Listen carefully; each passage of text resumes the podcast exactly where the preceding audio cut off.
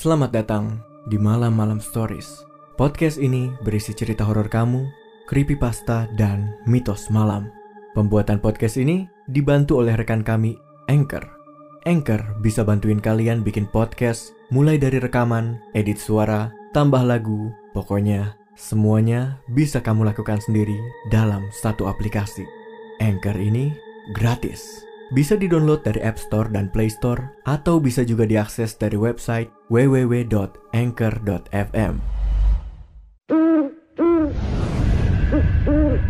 Malam-malam stories.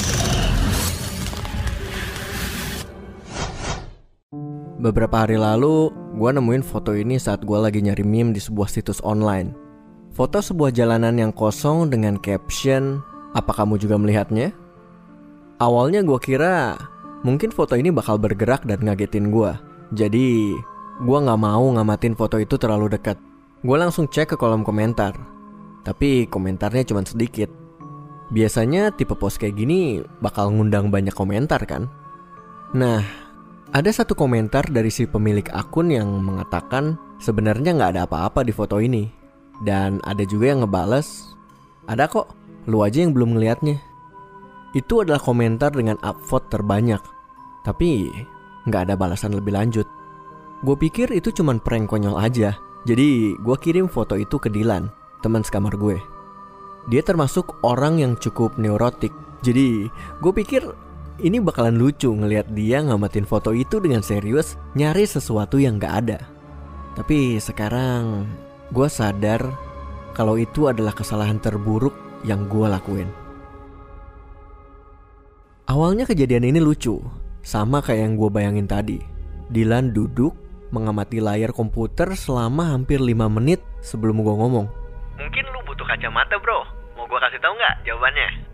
Nggak usah Gue cuma harus lebih teliti lagi Terus gue pergi ke dapur buat ngambil bir di kulkas.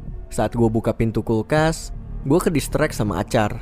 Jadi gue mutusin untuk bikin sandwich. Ya kurang lebih gue ngabisin sekitar 15 menit lah di dapur. Dan selama itu juga, gue lupa tentang kejadian foto itu. Saat gue balik buat ngecek Dilan, pintu kamarnya udah ditutup. Jadi gue ketuk dong pintunya. Apa sih? Dia ngejawab dengan nada yang kasar. Eh pakai celana lagi Gue mau masuk nih Saat gue masuk, dia masih ada di sana. Dengan posisi yang sama sekali nggak berubah dan mata yang masih fokus ke layar komputer. Gue sampai heran mikirin gimana cara dia nutup pintu. Perlahan, gue ngedeketin dia, ngeliat wajahnya. Matanya memerah dan kelihatan cukup kering. Nah, gue mulai khawatir dong. Bro Ini tuh cuma lelucon Nggak ada apa-apa di foto Ada Ada Cuman lu aja yang belum lihat Hal ini langsung ngebuat gue kepikiran sama komentar di post itu. Aduh, mungkin gue salah udah ngerjain si Dilan. Apalagi dia orangnya kan agak obsesif terhadap sesuatu gitu. Gue terdiam, terpaku menatap Dilan.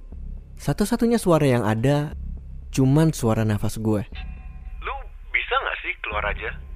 Gue butuh privasi bro Tiba-tiba Dilan marah saat mengalihkan pandangannya dari komputer. Bahkan mungkin untuk pertama kalinya dia menoleh sejak ngelihat foto itu. Dia ngelihat gue dengan mata yang agak liar. Sesaat, dia kelihatan berbeda. Bukan lagi teman sekamar gue. Bukan juga teman gue. Wujudnya manusia tapi tanpa jiwa. Oke kalau gitu bro Jangan sampai lupa waktu ya Dia nggak ngerespon. Gue keluar dari ruangan dan menutup pintu kamar pelan-pelan. Dilan bukanlah orang yang tertutup. Dia bahkan jarang menutup pintu. Terlepas dari sikap canggungnya, dia adalah orang yang sangat bersosialisasi dan ramah. Kejadian ini bisa jadi petunjuk awal tentang hal buruk yang terjadi selanjutnya. Besoknya gue bangun lebih awal dari biasanya buat kerja. Gue nggak ngeliat si Dilan semalaman. Dan itu nggak biasanya. Karena masih ada waktu, gue mutusin untuk bikinin sarapan buat kita berdua. Dilan kerja dari rumah, jadi dia nggak perlu bangun pagi kayak gue. Harapan gue, aroma kopi dan bacon bisa ngebangunin dia dan bikin dia ngiler. Gue langsung jalan ke kamar Dilan dengan piring di tangan. Dan pada ketukan pertama, Ngapain sih? Udah pergi sana. gue coba untuk mengabaikan itu. Mungkin dia lagi ngomong sama orang lain. Gua udah bikinin sarapan lu nih. Gua nggak lapar. Awalnya gue ragu sih, tapi akhirnya gue meraih gagang pintu. Dan setelah mengambil nafas dalam-dalam, gue buka pintu itu. Dia nggak bergerak. Dilan masih di kursinya. Wajahnya nyaris menempel dengan layar komputer. Dalam sinar cahaya pagi yang nyaris menembus tirai, dia kelihatan kayak orang aneh. Postur tubuhnya bungkuk ke depan, kepalanya terhuyung dengan posisi yang janggal. Bahkan tangannya sedikit gemeteran. Eh Lan, gua rasa lu butuh istirahat deh. Gue kayak lagi ngomong sama orang tuli.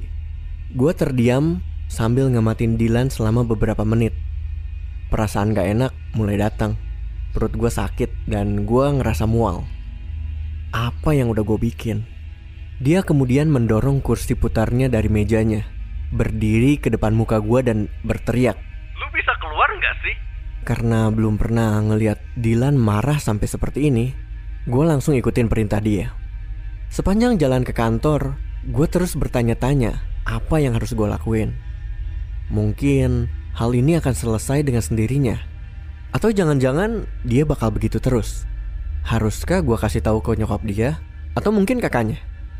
Selama kerja, gue terus berdoa. Berharap secara mendadak dia udah normal lagi pas gue pulang nanti. Punya pengalaman horor? Kirim cerita kamu ke www.malamalam.com. Punya keinginan bikin podcast? Langsung download Anchor dari App Store dan Play Store atau bisa juga diakses dari website www.anchor.fm. Anchor bisa untuk edit dan upload podcast kamu. Dan yang penting, Anchor ini gratis. Sayangnya, kejadian selanjutnya malah lebih buruk. Saat sampai di rumah, gue ngedengar suara desisan. Gue cek dan ternyata keran di dapur menyala. Gue matiin, terus air di kamar mandi juga menyala. Saat gue matiin keran di kamar mandi, terdengar suara pintu kamar Dilan terbuka. Dia berdiri, wajahnya pucat dan terlihat depresi. Gua butuh suara-suara itu biar bisa mikir. Dia memekik dan menabrak gua cuman buat nyalain keran kamar mandi. Gerakannya aneh dan dan rapuh. Kayak tengkorak yang lagi berjalan. Cuman dalam beberapa jam dia kelihatan kayak udah nambah sekitar 40 tahun. Gua kaget dan dengan agresif Dilan berjalan ke dapur untuk nyalain kerannya lagi.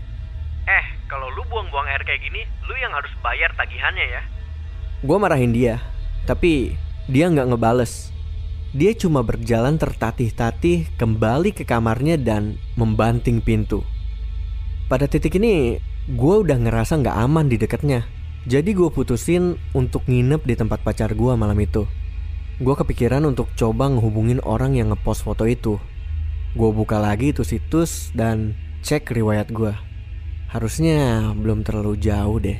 Gue belum aktif lagi sejak ngeliat postingan itu. Akhirnya gue nemuin postingan itu. Tapi yang ada bukannya gambar, malah pesan konten dihapus.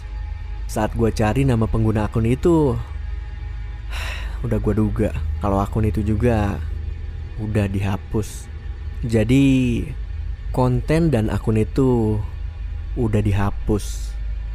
Setelah mikir cukup lama, gue coba kirim pesan ke pusat bantuan situs itu untuk ngejelasin kenapa gue pengen ngehubungin si pemilik akun dan menanyakan alamat emailnya. Tapi masih belum direspon. Jadi biar nggak terlalu kepikiran, gue pergi ke halaman depan situs itu mencari beberapa meme. Dan gue rasa ini pertama kalinya gue ngeliat hal ini.